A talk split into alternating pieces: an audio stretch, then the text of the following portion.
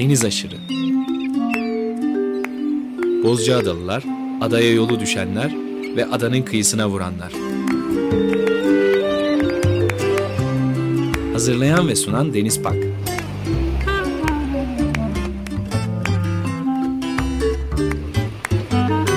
Türkiye için rüzgar enerjisi üreten Demirer Enerji'ye katkılarından dolayı teşekkür ederiz. 95.0 Açık Radyo'da yeni bir Deniz Aşırı programından herkese merhaba. İki hafta önce Yektan Türk Yılmaz'la birlikte onun arşivinden kayıt tarihi içinde cımbızla seçtiğimiz nadir, enteresan, özgün örneklere yer verdiğimiz program serisinin bugün son bölümüne gelmiş olduk.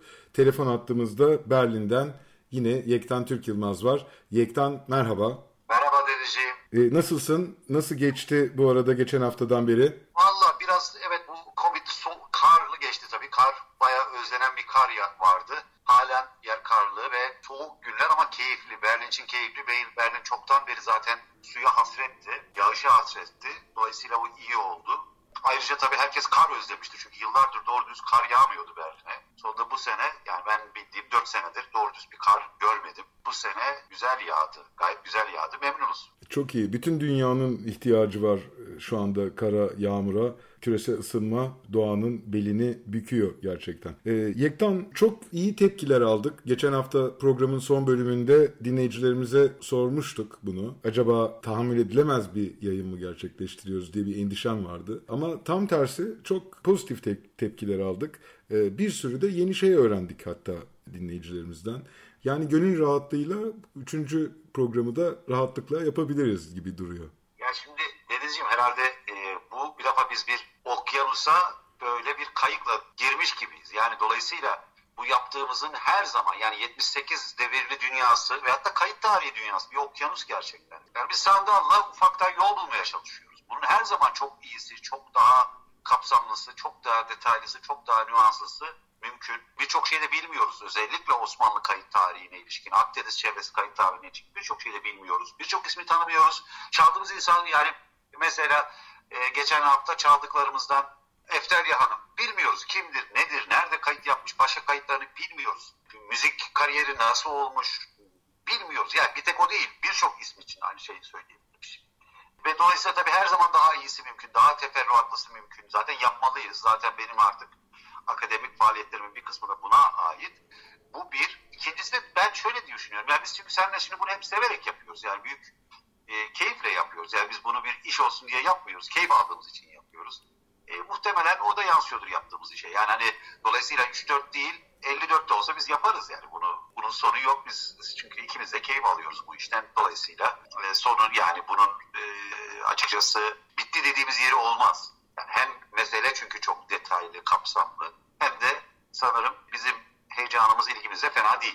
Evet, konuya. merakla, ilgiyle, sevgiyle bakıyoruz gerçekten e, bu konuya. Bu merakın, bu sevginin yıllardır birbirimizi tanıyoruz. E, bitmediği, hatta artarak devam ettiğine göre daha dinleyicilerimizle de nice programlar gerçekleştirebileceğiz. Bugün gündemimizde yine çok güzel kayıtlara yer vermek istiyoruz. Seçtiğimiz kayıtlardan bugün neler dinleteceğiz dinleyicilerimize? Müsaade edersen genel çerçeve çizmek istiyorum. Yani tabii bir defa böyle bir program için kayıt seçmek çok zor tabii. Yani binlerce ihtimal arasında bunları seçmek, sonra bunlara bir çerçeve çizmek çok zor. Ama yani şöyle de düşünebiliriz. Yani geçen programda biz bir Osmanlı'nın en erken dönemi olmasa bile erken dönem kayıt tarihine baktık. Aslında bayağı da erken bir dönemine baktık. Ee, ilk dönemine baktık. İlk döneminin ilk günlerine bakmadık ama ilk dönemine baktık.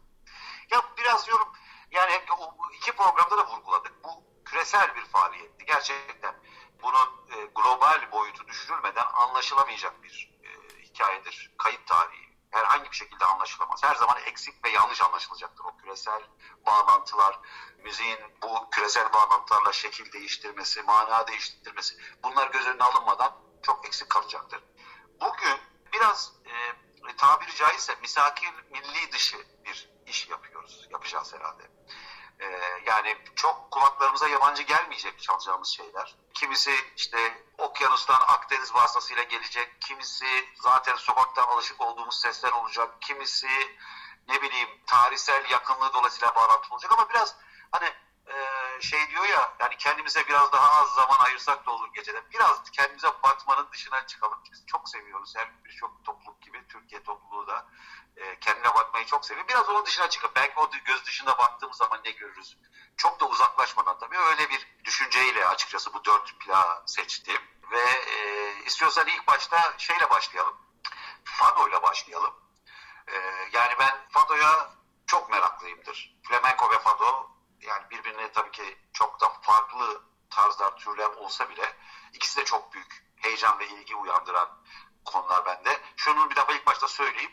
Ben bu iki tarz müziğin maalesef koleksiyoneri veya toplayıcısı veyahut da araştırmacısı değilim. Ee, sadece bazen böyle edinmekten kendimi men edemiyorum. Flamenco ile ilgili bunun çok örneği var. Fado ile ilgili de birkaç örneği var. O örneklerden bir tanesi. İstiyorsan bir çalalım onu. Maria Vittoria'yı dinleyeceğiz. Ondan sonra da kendisi hakkında da biraz konuşuyoruz. Çaldıktan sonra. Dinliyoruz.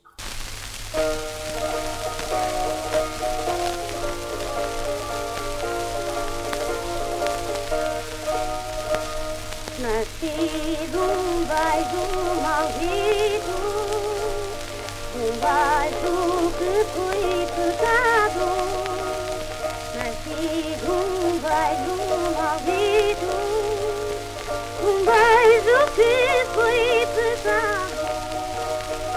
Beijo que vai sofrido, o meu viver desgraçado.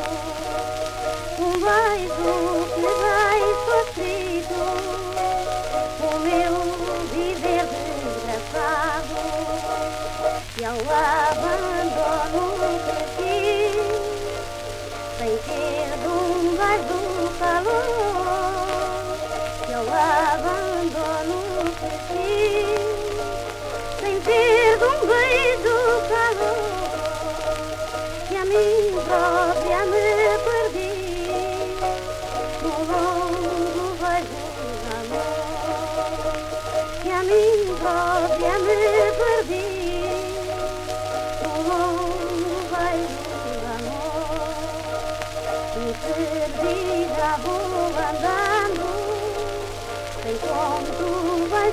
Baba.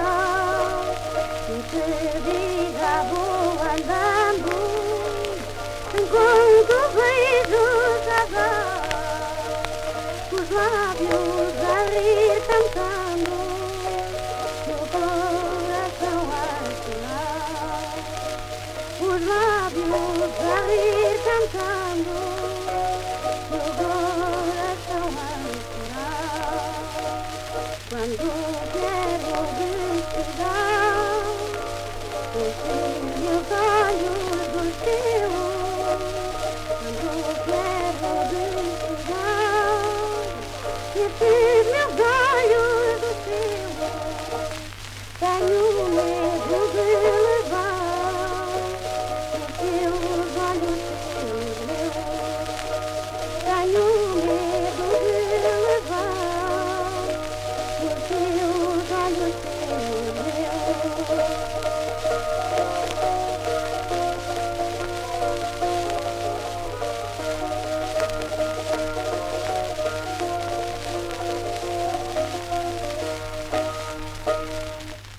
...95.0 Açık Radyo'da Deniz Aşırı programına kaldığımız yerden devam ediyoruz. Maria Victoria'dan dinledik. Ne dinlediğimizi şimdi konuğumuz Yektan Türk Yılmaz'dan dinliyor olacağız. Evet efendim ben şimdi Maria Vittoria ile ilgili ben biraz bak, bakmıştım vaktiyle. Çok fazla bir şey bulamadım açıkçası. Ama bulduğum miktarı da Portekiz müzik sahnesinde ve tiyatro sahnesinde çok önemli birisi olduğunu e, fark ettim. Şimdi dinlediğimiz O Verda Deiro Fado. Yani Google Translate'ten baktık ve bu hakiki Fado diye. Aslında çok da oturuyor çünkü o benim birazcık bulduğum bilgiye bir en harika Fado'yu söylemek gibi bir bir motto edinmiş, bir çaba içerisinde olmuş birisi. Anladığım kadarıyla Maria Vittoria. Ve ilginç tarafı, işin ilginç tarafı e, Portekizli değil, İspanyol, Malagalı ve e, Malaga'da doğuyor ve çok erken yaşta e, hem Lizbon'a yerleşiyor hem de müzik hayatı başlıyor. Zaten 24 yaşında da tüberkülozdan ölüyor. Ve dolayısıyla kayıtları 1915'te ölüyor. yapılan bütün kayıtları 1915 öncesi dolayısıyla. Bu Beka'dan. Tabii Beka çok önemli bir firma. Bir Alman firması. Osmanlı kayıtları açısından da kayıt dünyasında da vardır ama özellikle Kafkasya'da yani eğer Avrupa dışını düşünürsek Kafkasya kayıtlarında çok önemlidir. Devrim öncesi so e, Kafkasya kayıtları veyahut da Rusya'nın genelinde özellikle Kafkasya kayıtları anlamında çok çok önemlidir. Kısmen İran ve Beka'da bu kayıt. Şimdi Maria Vittoria'ya dönersek Maria Vittoria çok kısa bir hayat yaşıyor ama çok fırtınalı bir hayat yaşıyor. Ve bir anda e, yıldızlaşıyor. Bir anda parlayan bir isim oluyor. E, Lisbon'da müzik sahnesinde ve hem de tiyatro sahnesinde. İyi de bir oyuncu tabii ki.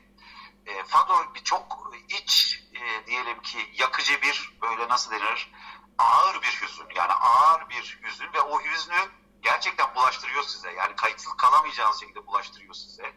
Ve bir iki e, sözünü ve bir iki, bir iki Fado üzerine yorumunu okudum ve ondan alıntılar şeyler okudum. Zaten tam bunu kastediyor. Yani Fado diyor yani hani karşındakini sarsmalı türünden.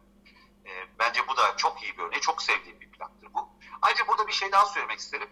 Şimdi plak kayıt tarihiyle kadınların dünya üzerinde bence görünürlüğü arasında da yakın bir ilgi var. Ne anlamda görünürlüğü? Sanat piyasasında, müzik piyasasında, müzik sahnesinde, sanat sahnesinde, e, tiyatro sahnesinde görünürlüğü açısından. Çünkü e, her yerde kadın sesine olan talebi yükseltiyor kesinlikle kayıt.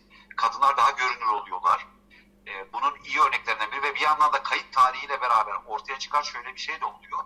20. yüzyılla damgasını vuran divalar ortaya çıkıyor. Mesela e, şimdi gerçi Maria Vittoria erken ölüyor ama 24 yaşında ölüyor ama Maria Vittoria'nın bastığı damga kalıyor orada. Özellikle kayıtlar sayesinde. Çok fazla miktarda kayıt yapılmıyor, yapmıyor ama o kayıtlar hala çok iyi biliniyor ve çok iyi dinleniliyor.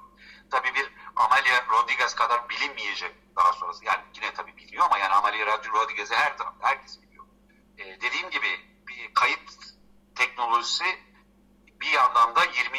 yüzyıla damgasını vuran divaları da yaratıyor. Mesela hemen flamenco için düşünürsem Nina de los Peines var mesela. Çok e, tarakların ninası diye. O çok tarak böyle bir, bir en erken zamanda bir aşk şarkısı söyler. Neredeyse 20. yüzyıl boyunca söylemiştir. Lata Mangashkar mesela Hindistan'da çok uzun yıllar söylüyor. Bugün biraz ileride dinleyeceğimiz Rosa yani yine 20. yüzyıla resmen damgasını vuruyor. Bizde Türkiye'de mesela Müzeyyen, hakeza Fransa'da meşhur Edip Piaf.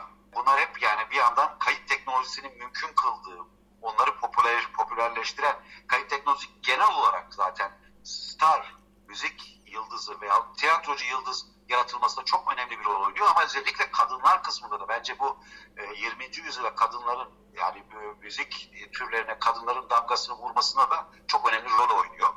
Ve yakın dönemde Maria Vittoria'nın adı şu anda Lisbon'da faal olan bir tiyatroya veriliyor.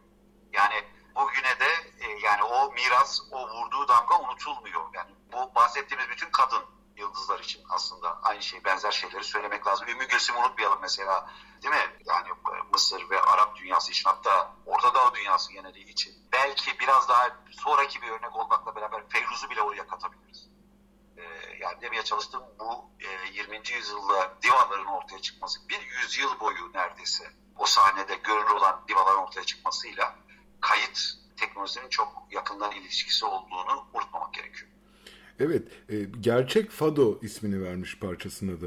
Acaba bir an şunu düşündüm. Geçen programda konuştuğumuz gibi Münir Nurettin ne kadar geleneksel, Tamburi Cemil ne kadar geleneksel dediğini unutmuyoruz. Belki Maria Victoria da buna öykünerek yaptığı bir kayıt olabilir bu. Kesinlikle, bir yandan gerçek derken bir yandan yaratıyorsunuz. Yani diğerlerinin ötesinde bir şey yapmaya yaptığınızı iddia ediyorsunuz.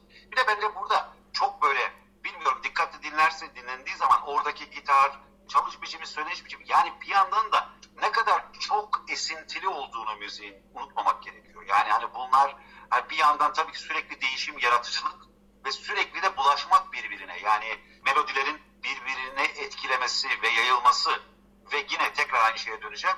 Tabii plak burada çok önemli. Çünkü yani ses bir tek sesi yani sesin taşınabilir olması, mobil hale gelmesi ve bu etkiler hep insanlık tarihinde hep bu etki olmuştur ama bu teknoloji bu etkinin hızını da etkisini de büyütüyor tabii ki şiddetini de büyütüyor. Bunu da ekleyelim. Evet.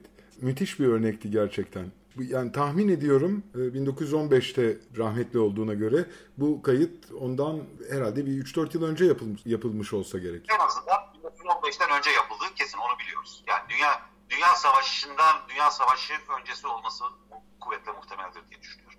Evet. Yani 1914 ve öncesi olacağını düşünüyorum. Ağustos 1914 ve öncesi emin değilim ama 1914 ve öncesi olacağını düşünüyorum. Portekiz'den çok farklı ama Malaga'da Portekiz'e çok uzak bir yer değil. Değil tabii değil. hem coğrafya olarak hem oradaki ruh bakımından çok çok uzak bir yer değil. Tabii tabii. Ama her ne olursa olsun yani bir yandan Lizbon'a gidiyorsunuz ve Lizbon'da bütün ilgilerin. Bir de tabii Maria Victoria'nın çok fırtınalı bir aşk hayatı var tabii ki.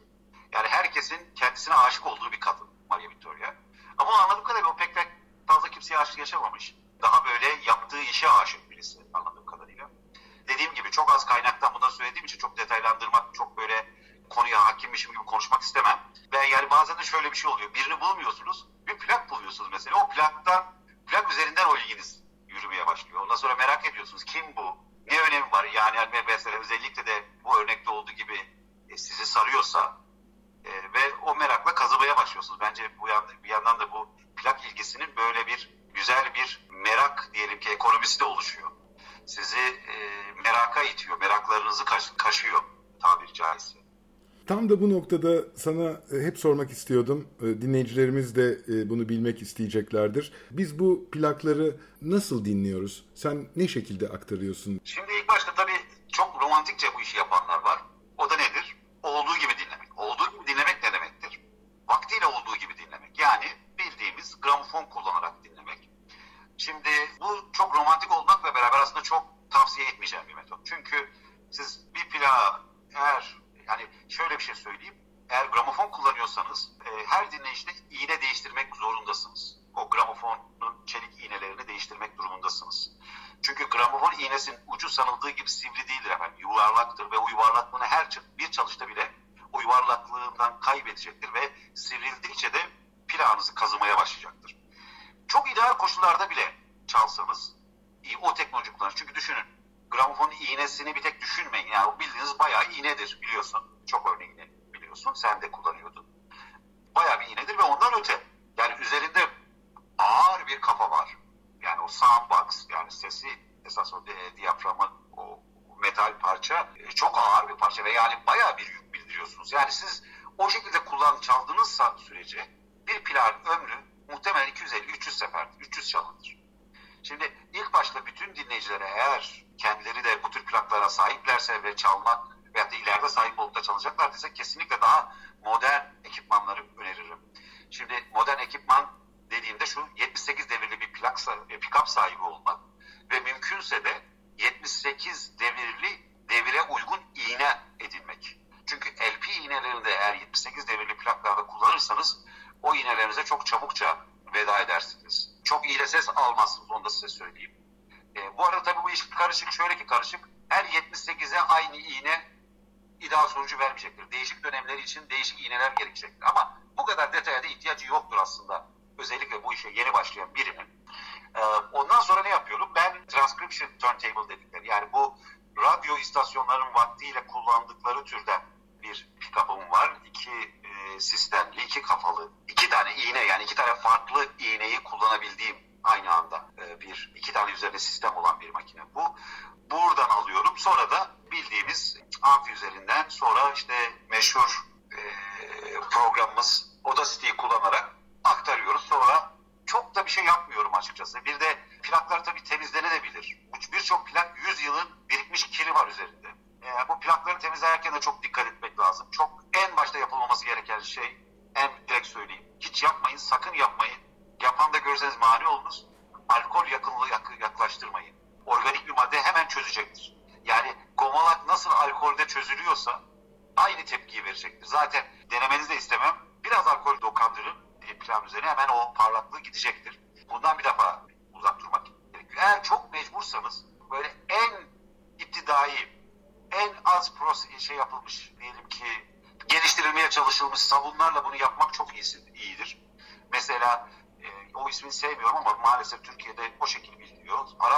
is it on?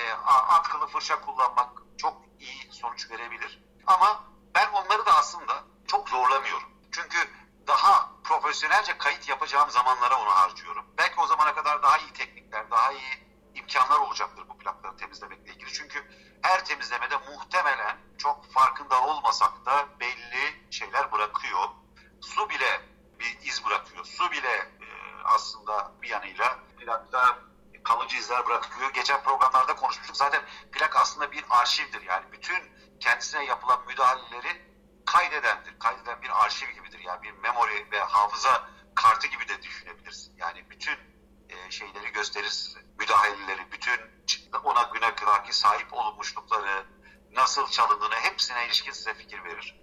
Nasıl temizlendiğine ilişkin de çok fikir veriliyor. Bununla ilgili çok korkunç şeyler gördüm, duydum Türkiye'de. Onlara hiç girmeyeyim. Mesela e, yağ sürmek yani falan. Yani bu bunları da e, hemen buradan söyleyeyim yapmayınız. Yani bunu çok e, yaygın koleksiyoncuların yaptığını biliyorum. Türkiye'de lütfen yapmayınız. Hiç yani o iğnenin onun üzerinde kaydığının daha iyi kaydığı gibi bir e, fikirle bunu yapmayız. Çünkü o gerçekten çok e, sıkıntılı tortular bırakıyor ve ses kanallarına büyük zarar veren bir, bir uygulama. Evet, üzerine titremek, çok dikkat etmek gerekiyor. Her şeyin başında da iyi koşullarda saklamak gerekiyor. Evet, yani ben birinci ilkemi söyleyeyim, zarar vermemek. Yani bir pilav pırıl pırıl yapmaya çalışmıyorum. Elime gelmiş halinden daha kötü hale gelmesini engel olmaya çalışıyorum. Evet, sırada ne dinleyeceğiz Yektan? Valla aslında bu sıradaki de yine benzer bir şey olacak. Benzer şu anlamda benzer. Bu da böyle baya bir yer değiştirmek. Ama bu baya bir yer değiştirmek. Bu 1942 New York kaydı bir şarkı olacak. Ee, şarkının şarkıyı ilginç kılan çok şey var. Birincisi bunu, bunu söyleyen kişi aslında hayatını müzik kariyerine adamış birisi değil. Ee, Yeni Oktar Hagopya esas itibariyle bir heykeltıraş. Vanlı. Van doğumlu. 1900, 1900 yılında İşkanakom, e, Van'a, Van'a, Van merkeze çok yakın bir yerde doğuyor. Van Gölü'nün kıyısında bir yerde doğuyor. Ve maalesef oradaki Ermenilerle beraber 1915 Ağustos'unda, e, Ağustos başında Kafkasya'ya göçmek zorunda, kaçmak zorunda kalıyorlar. Ve daha sonra 1920'lerde Amerika'ya geliyor e, Yanokler Hagopyan. Çok olağanüstü, çok etkileyici bir heykeltıraştır. 1942 yılında ise ya tabii şunu söylemek lazım. Burada tabii geçen sefer de bir Ermenice kayıt çaldık. Yine bir Ermeni müzisyenin söylediği bir kayıt çaldık. Çünkü bu Ermenice olmayacak. Orada da vardı. Yani bu döneme özellikle 30'lar, 40'lar, 20'ler o döneme bence Ermeni müzisyenlerin ürünlerine genelde bir kayıp hissi çok fazla damgasını vurur.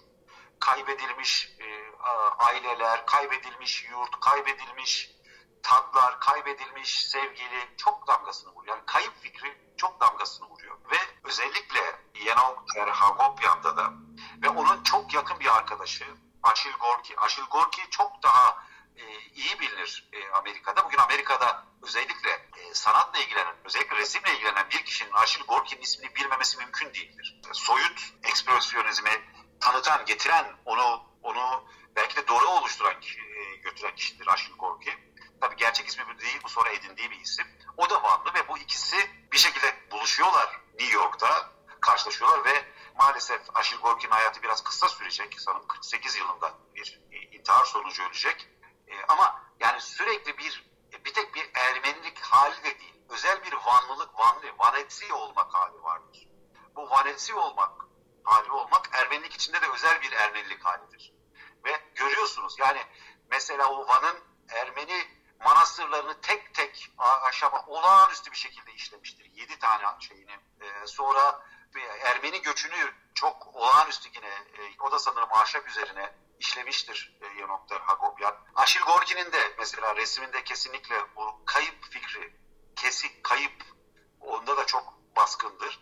E, ve 1942 yılında kayıplardan bu sefer de melodilere dönüyor ve Aşık Records yani bildiğiniz aşık plakları e, Ermenice Aşuh bir seri ilk başta 8 plaklık bir seri çıkartıyor. 8 kayıtlık, 8 taraflı diyelim ki 8 şey olan tracklik, 8 e, şarkılık ve bu e, Van'dan hatırladığı şarkılar bunlar. Bu bizim çalacağımızsa bu şarkılar arasında hepsi Ermenice bunların Bir tanesi kurmancı, Kürtçe ve Van kurmancısı ile e, bülbüle yani bülbül ve şimdi bunun üzerine de çaldıktan sonra biraz daha konuşuruz belki. Ben çok severim bunu. Çok çok severim. Gerçekten nedenlerini de açıklayacağım biraz. 1942 New York. Hemen dinliyoruz.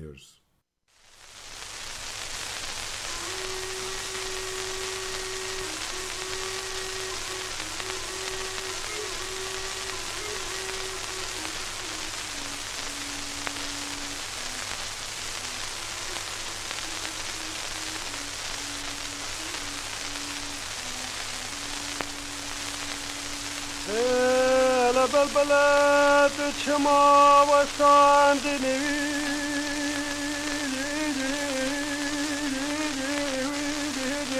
دنيوي هاي ويلوي هاي ويلوي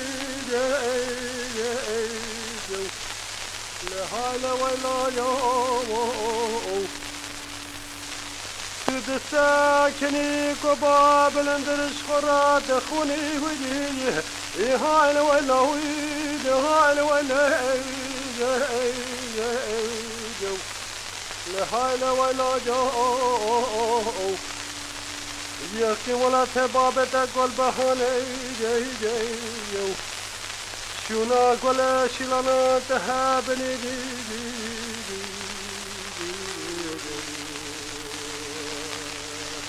ورد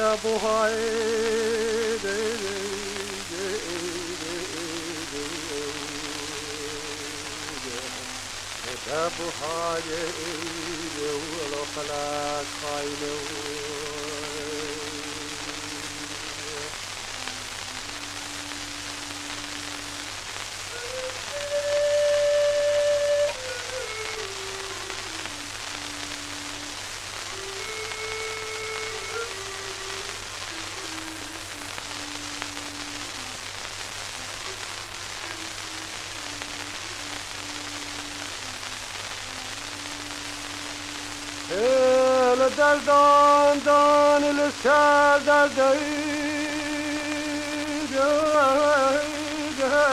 هاي ولا ويد هاي ولا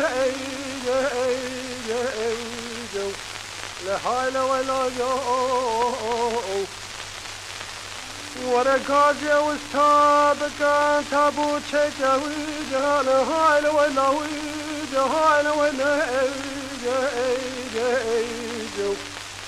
La hayla wayla yo Hele çilu çar bez marze ruzile de bagen Varela şerdla da kemini toruna zikene çıtte da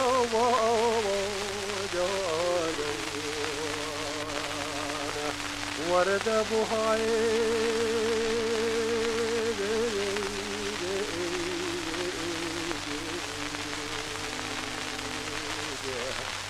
ابو حالي جري لو خلاك صايمين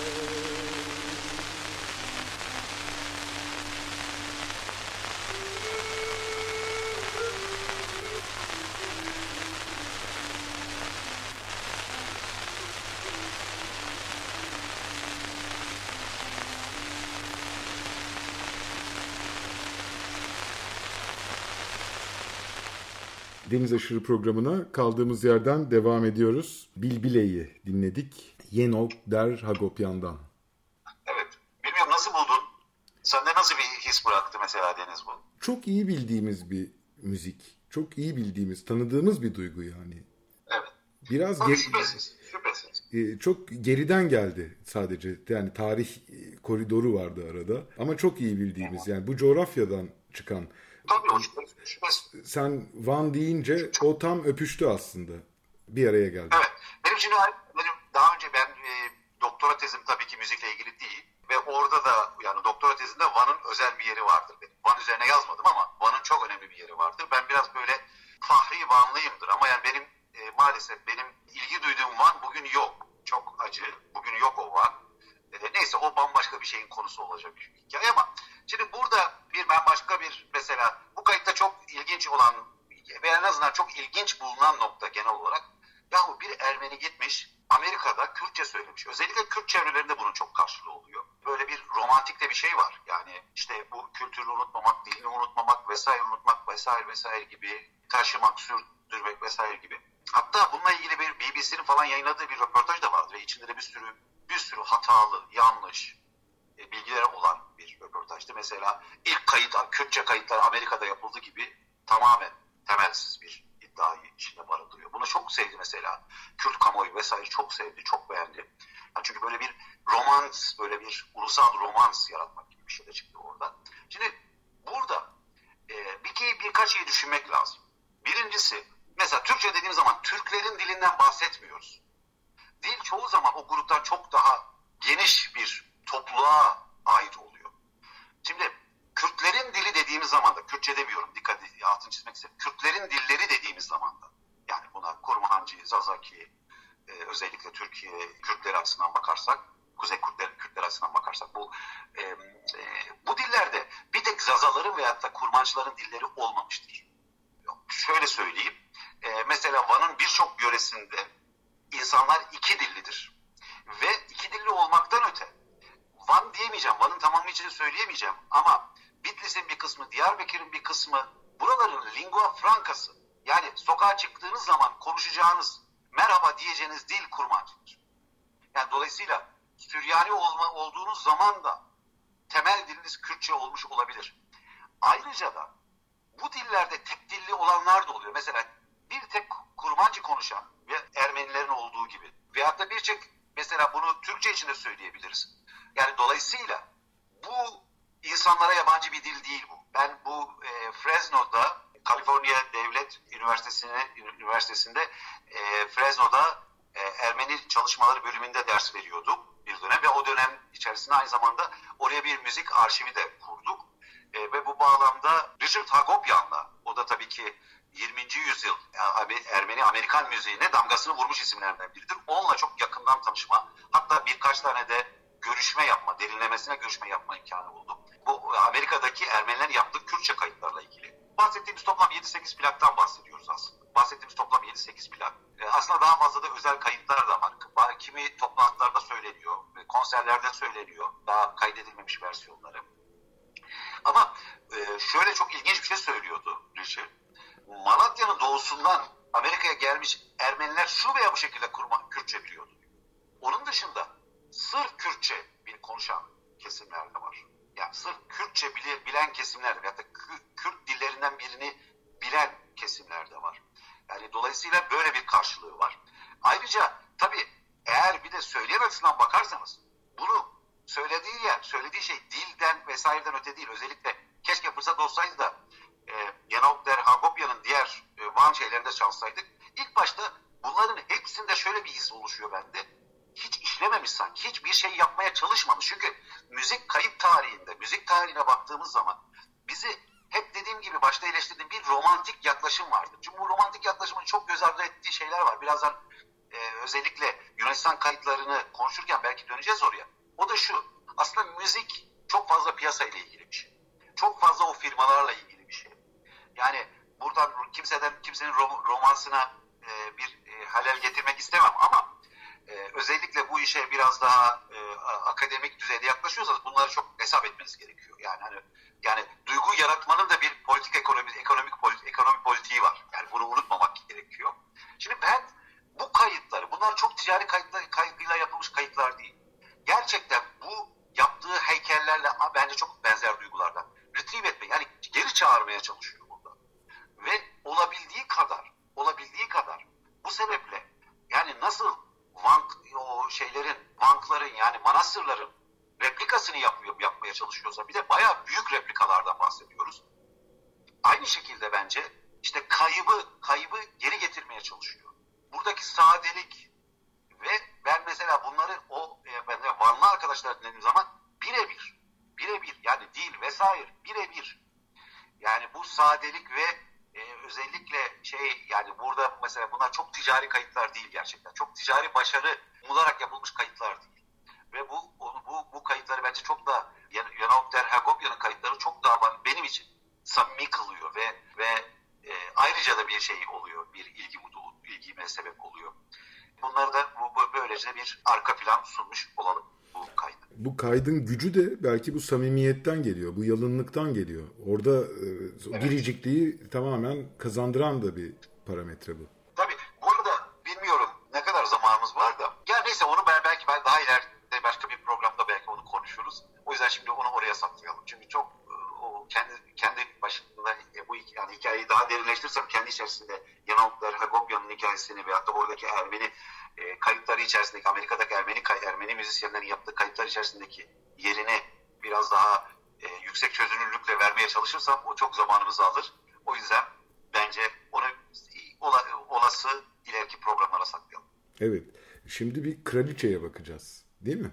Evet, Rosa sanırım. Rosa. Evet. Rosa Rebetika'nın kraliçesi Rosa. Çok iyi tanıdığımız bizden birisi.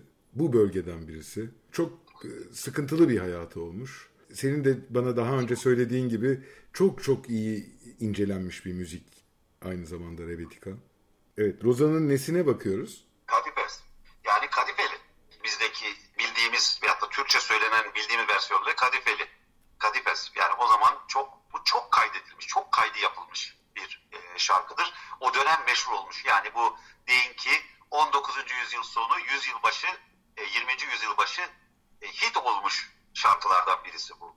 Yani bizim e, mu- muhtemelen melodik tarihi daha karmaşıktır ama güfte ve bestenin bir araya gelmesi muhtemeldir ki 90, e, 19. yüzyıl sonu 20. 20. yüzyıl başı aşağı yukarı kayıt tarihiyle örtüşen bir dönem ve zaten tesadüfte değil çok meşhur oluyor. Çok farklı versiyonları hem Osmanlı İmparatorluğu'nda e, sanırım e, şeyde de başka kayıtları var. Yunanistan'da da başka kayıtları var. Rosa'dan bunu biliyorum ama başka kayıtları da biliyorum. E, çok kaydedilmiştir. Dinleyelim bir. Sonra konuşalım üzerine. Dinliyoruz.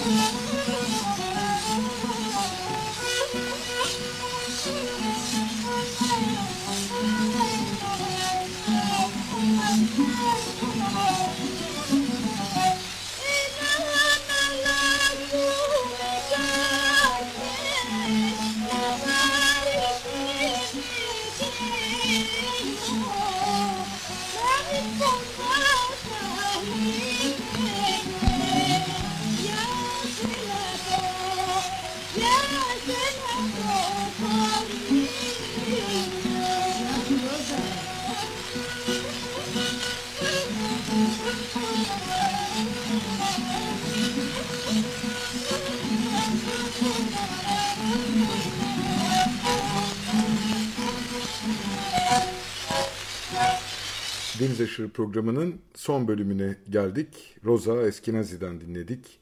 Kadifes isimli parçasını. Rosa'nın birçok dönemi var Yektan. Bu hangi dönemine ait? İlk dönemi gibi geliyor seslerden. Tabii. Şimdi, şimdi Rosa'nın tabii hikayesi fantastik bir hikaye. Çünkü Rosa aslında ne Türk ne e, Helen. Rosa e, bir e, Yahudi ve e, Yahudi bir aileden gerçi daha sonra sanırım din değiştirecek. E, ama Yahudi bir aileden geliyor ve daha Osmanlı İmparatorluğu'nun parçası iken Selanik, Selanik'e taşınıyor İstanbul'dan ailesi.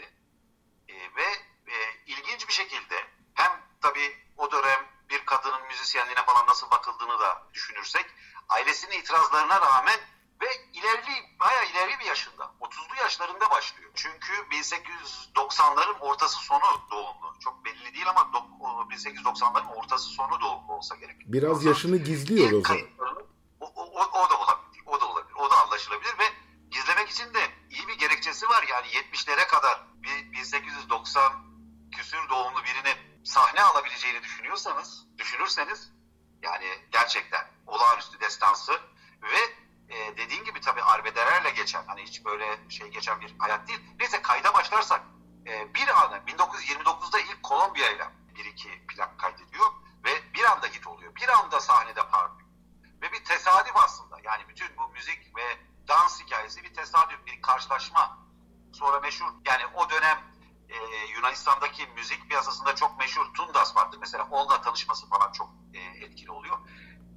Şimdi çok ilginç kılan bir şey Rosa'yı. Rosa kadar çok firmayla kayıt yapmış az kişi vardır. Sahibinin sesi, işte Kolombiya'yı söyledim. Kolombiya ile başlıyor. Kolombiya o, e, sahibinin sesi, Odeon, Odeon, Odeon'un Almanya versiyonu, Parlophone, Parlophone'un e, Almanya versiyonu, Amerika'daki bir Amerika serüveni var. İlginç bir Amerika serüveni var. 50'ler.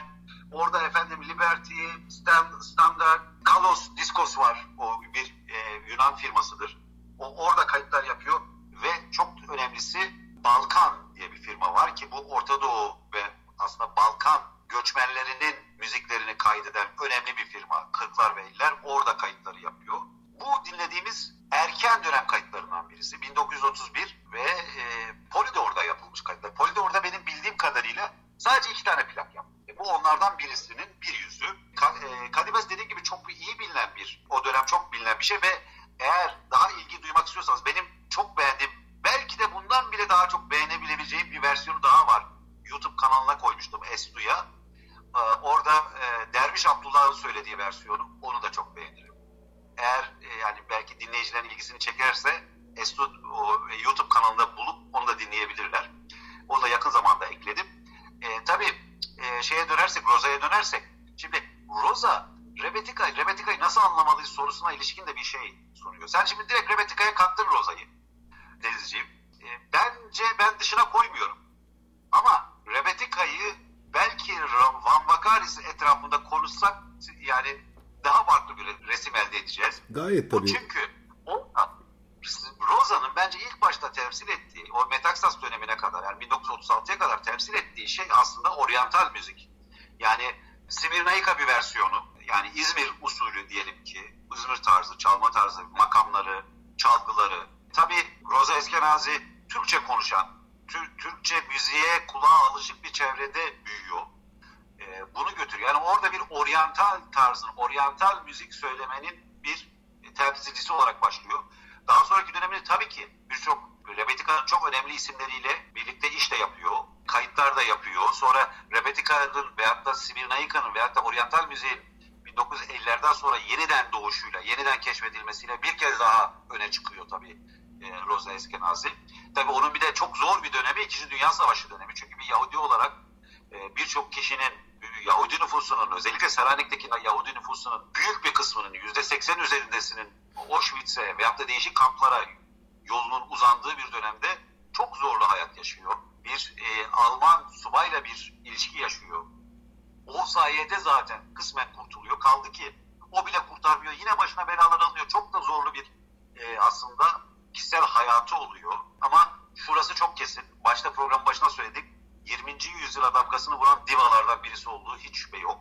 Çok dilli bir müzisyen, sahneye çok hakim birisi. Aynı zamanda sırf bir e, aynı Maria Vittoria gibi sırf bir müzisyen değil aynı zamanda bir performans sanatçısı, bir sahne sanatçısı.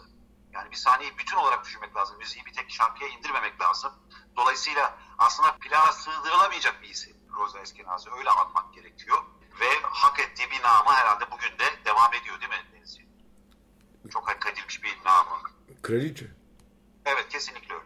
İstiyorsan Rebetiko konuşmak için hızlı bir şekilde esas e, ve sonuncu e, Rebetiko parçamıza, e, şarkımıza geçelim. Ne dersin? Büyük bir heyecanla bu anı beklediğimi söylemeliyim. Van Vakaris'e geçeceğiz. Van Vakaris'te kraliçeden sonra bir krala yer vermemiz gerekiyordu. Van Vakaris dediğiniz kişi bu müziğin gerçekten kralıdır. Çok etkilendiğimiz bir insandır. O zaman burada anlaşıyoruz. Rebetiko diye bir ters tanımlayacaksak ki onun da biraz daha hikayesini biraz az bir şey konuşuruz. Ama gerçekten ve bunun da ellaki bir diyelim ki kralı diye bir şeyini tanımlayacak, bir ismini tanımlayacaksak o şüphesiz hem çalma biçimi özellikle bir de vokal yorumlama biçimiyle kesinlikle e, Van Vakaris'tir. Evet buyurun. İlginç bir şey daha söyleyeceğim. 8 Şubat 1972'de rahmetli olmuş Van Vakaris. Yani ölümünün 50. yılına ait de e, aslında bir anma programı gibi de oldu bu. Neredeyse. Tam Aa, zamanları örtüşmedi ama yaklaşık olarak aynı ayda. Evet, e, selamlar olsun, devri daim olsun. Van Vakaris'in hepimize kattıkları çok fazladır. E, Rebetiko çizgi romanından bu kim acaba diye baktığımda Van Vakaris olduğunu gördüm ve çok iyi bildiğimiz bir müzisyen olduğunu da görmüştüm. David Prudhomme'un meşhur Rebetiko çizgi romanında Van Vakaris'in hayatının bir dönemine bakıyor bu çizgi roman. Tavsiye ediyorum, okuyunuz diyorum. Türkiye'de Aylak Kitap'tan çıkmış bir çizgi romandır. Türkiye baskısı Aylak Kitap tarafından basılmış bir çizgi roman. Ee, yine Metaksas döneminin mağdurlarından bir tanesi Van Vakaris. Ama bir tarzı var. Yine çok acılar çekmiş birisi. Siros adasından, Orta Ege'den bir adadan e, geliyor. Pire'ye geliyor. O günün Pire'sinde çok kısa bir zamanda enstrümanına hakim olup sahnelerde boy gösteren ilginç bir adam Van Vakaris. Aslında ailesinde de birçok müzisyen var. Babası, dedesi gibi başka müzisyenlere de karşılaşabiliyoruz e, Van Vakaris'le. Şimdi yine çok özel bir kaydını dinleyeceğiz herhalde. Programın son bölümüne geldik. Çok da vaktimiz kalmadı. Evet bu 1937 kaydı. 1937'de kaydediliyor. Odeon e, firması kaydediyor. Ehe Omorphes Aprates. Bu ben e, Yunanca bilmiyorum ama böyle güzel kadınlar vardır gibi bir şey. Güzel, havalı, böyle e, albenili kadınlar vardır gibi bir şey. Sanırım sözleri de bir aşk sözleri olsa gerek veyahut da aşk çabası sözleri değil. Tamamen öngörüm yani yoksa e, dile hakim değil. Evet çok ciddi konularla aslında dalga geçer gibi de bir üslupla söylüyor. Aslında bu Rebetika'nın da genel hali. Yunan bluzu da diyorlar bu bu yüzden bu müziğe. Çok çok çok etkileyici birisi gerçekten Van Vakaris. Van Vakaris'i dinleyerek programa son verelim.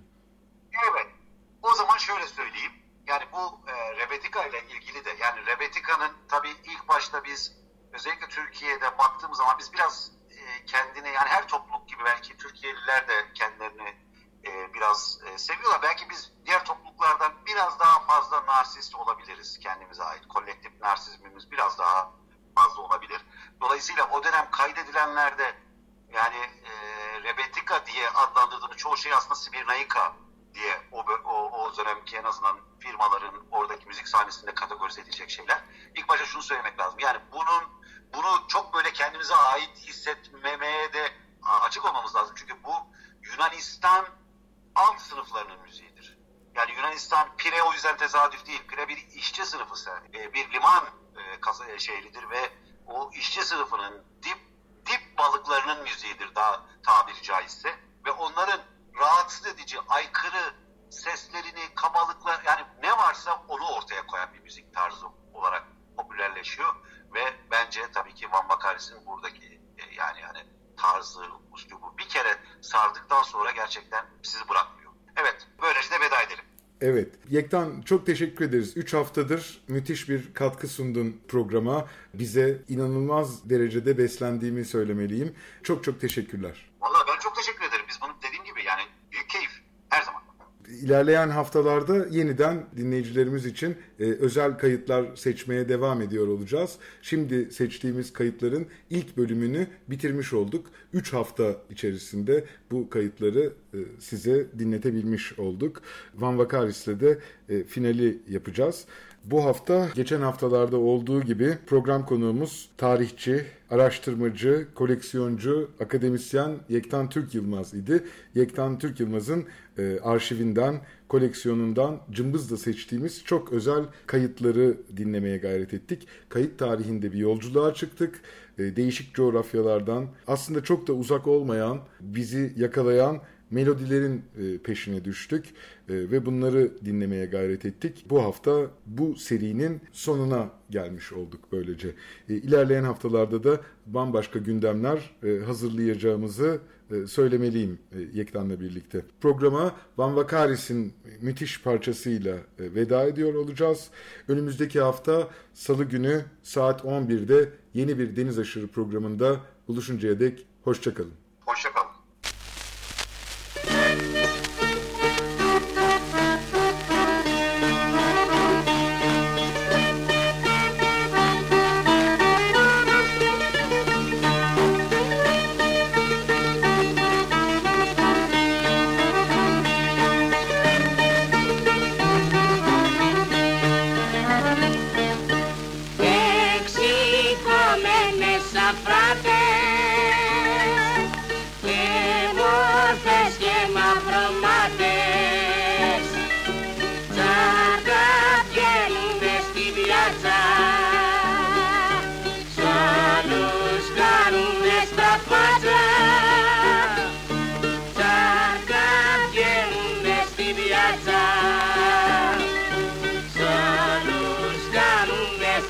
Baghdad.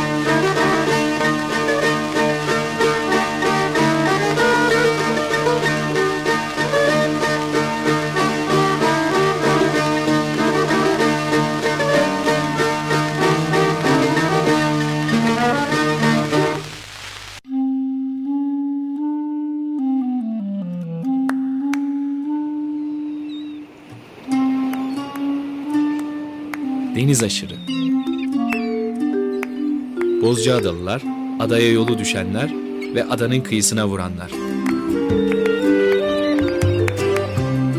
Hazırlayan ve sunan Deniz Pak.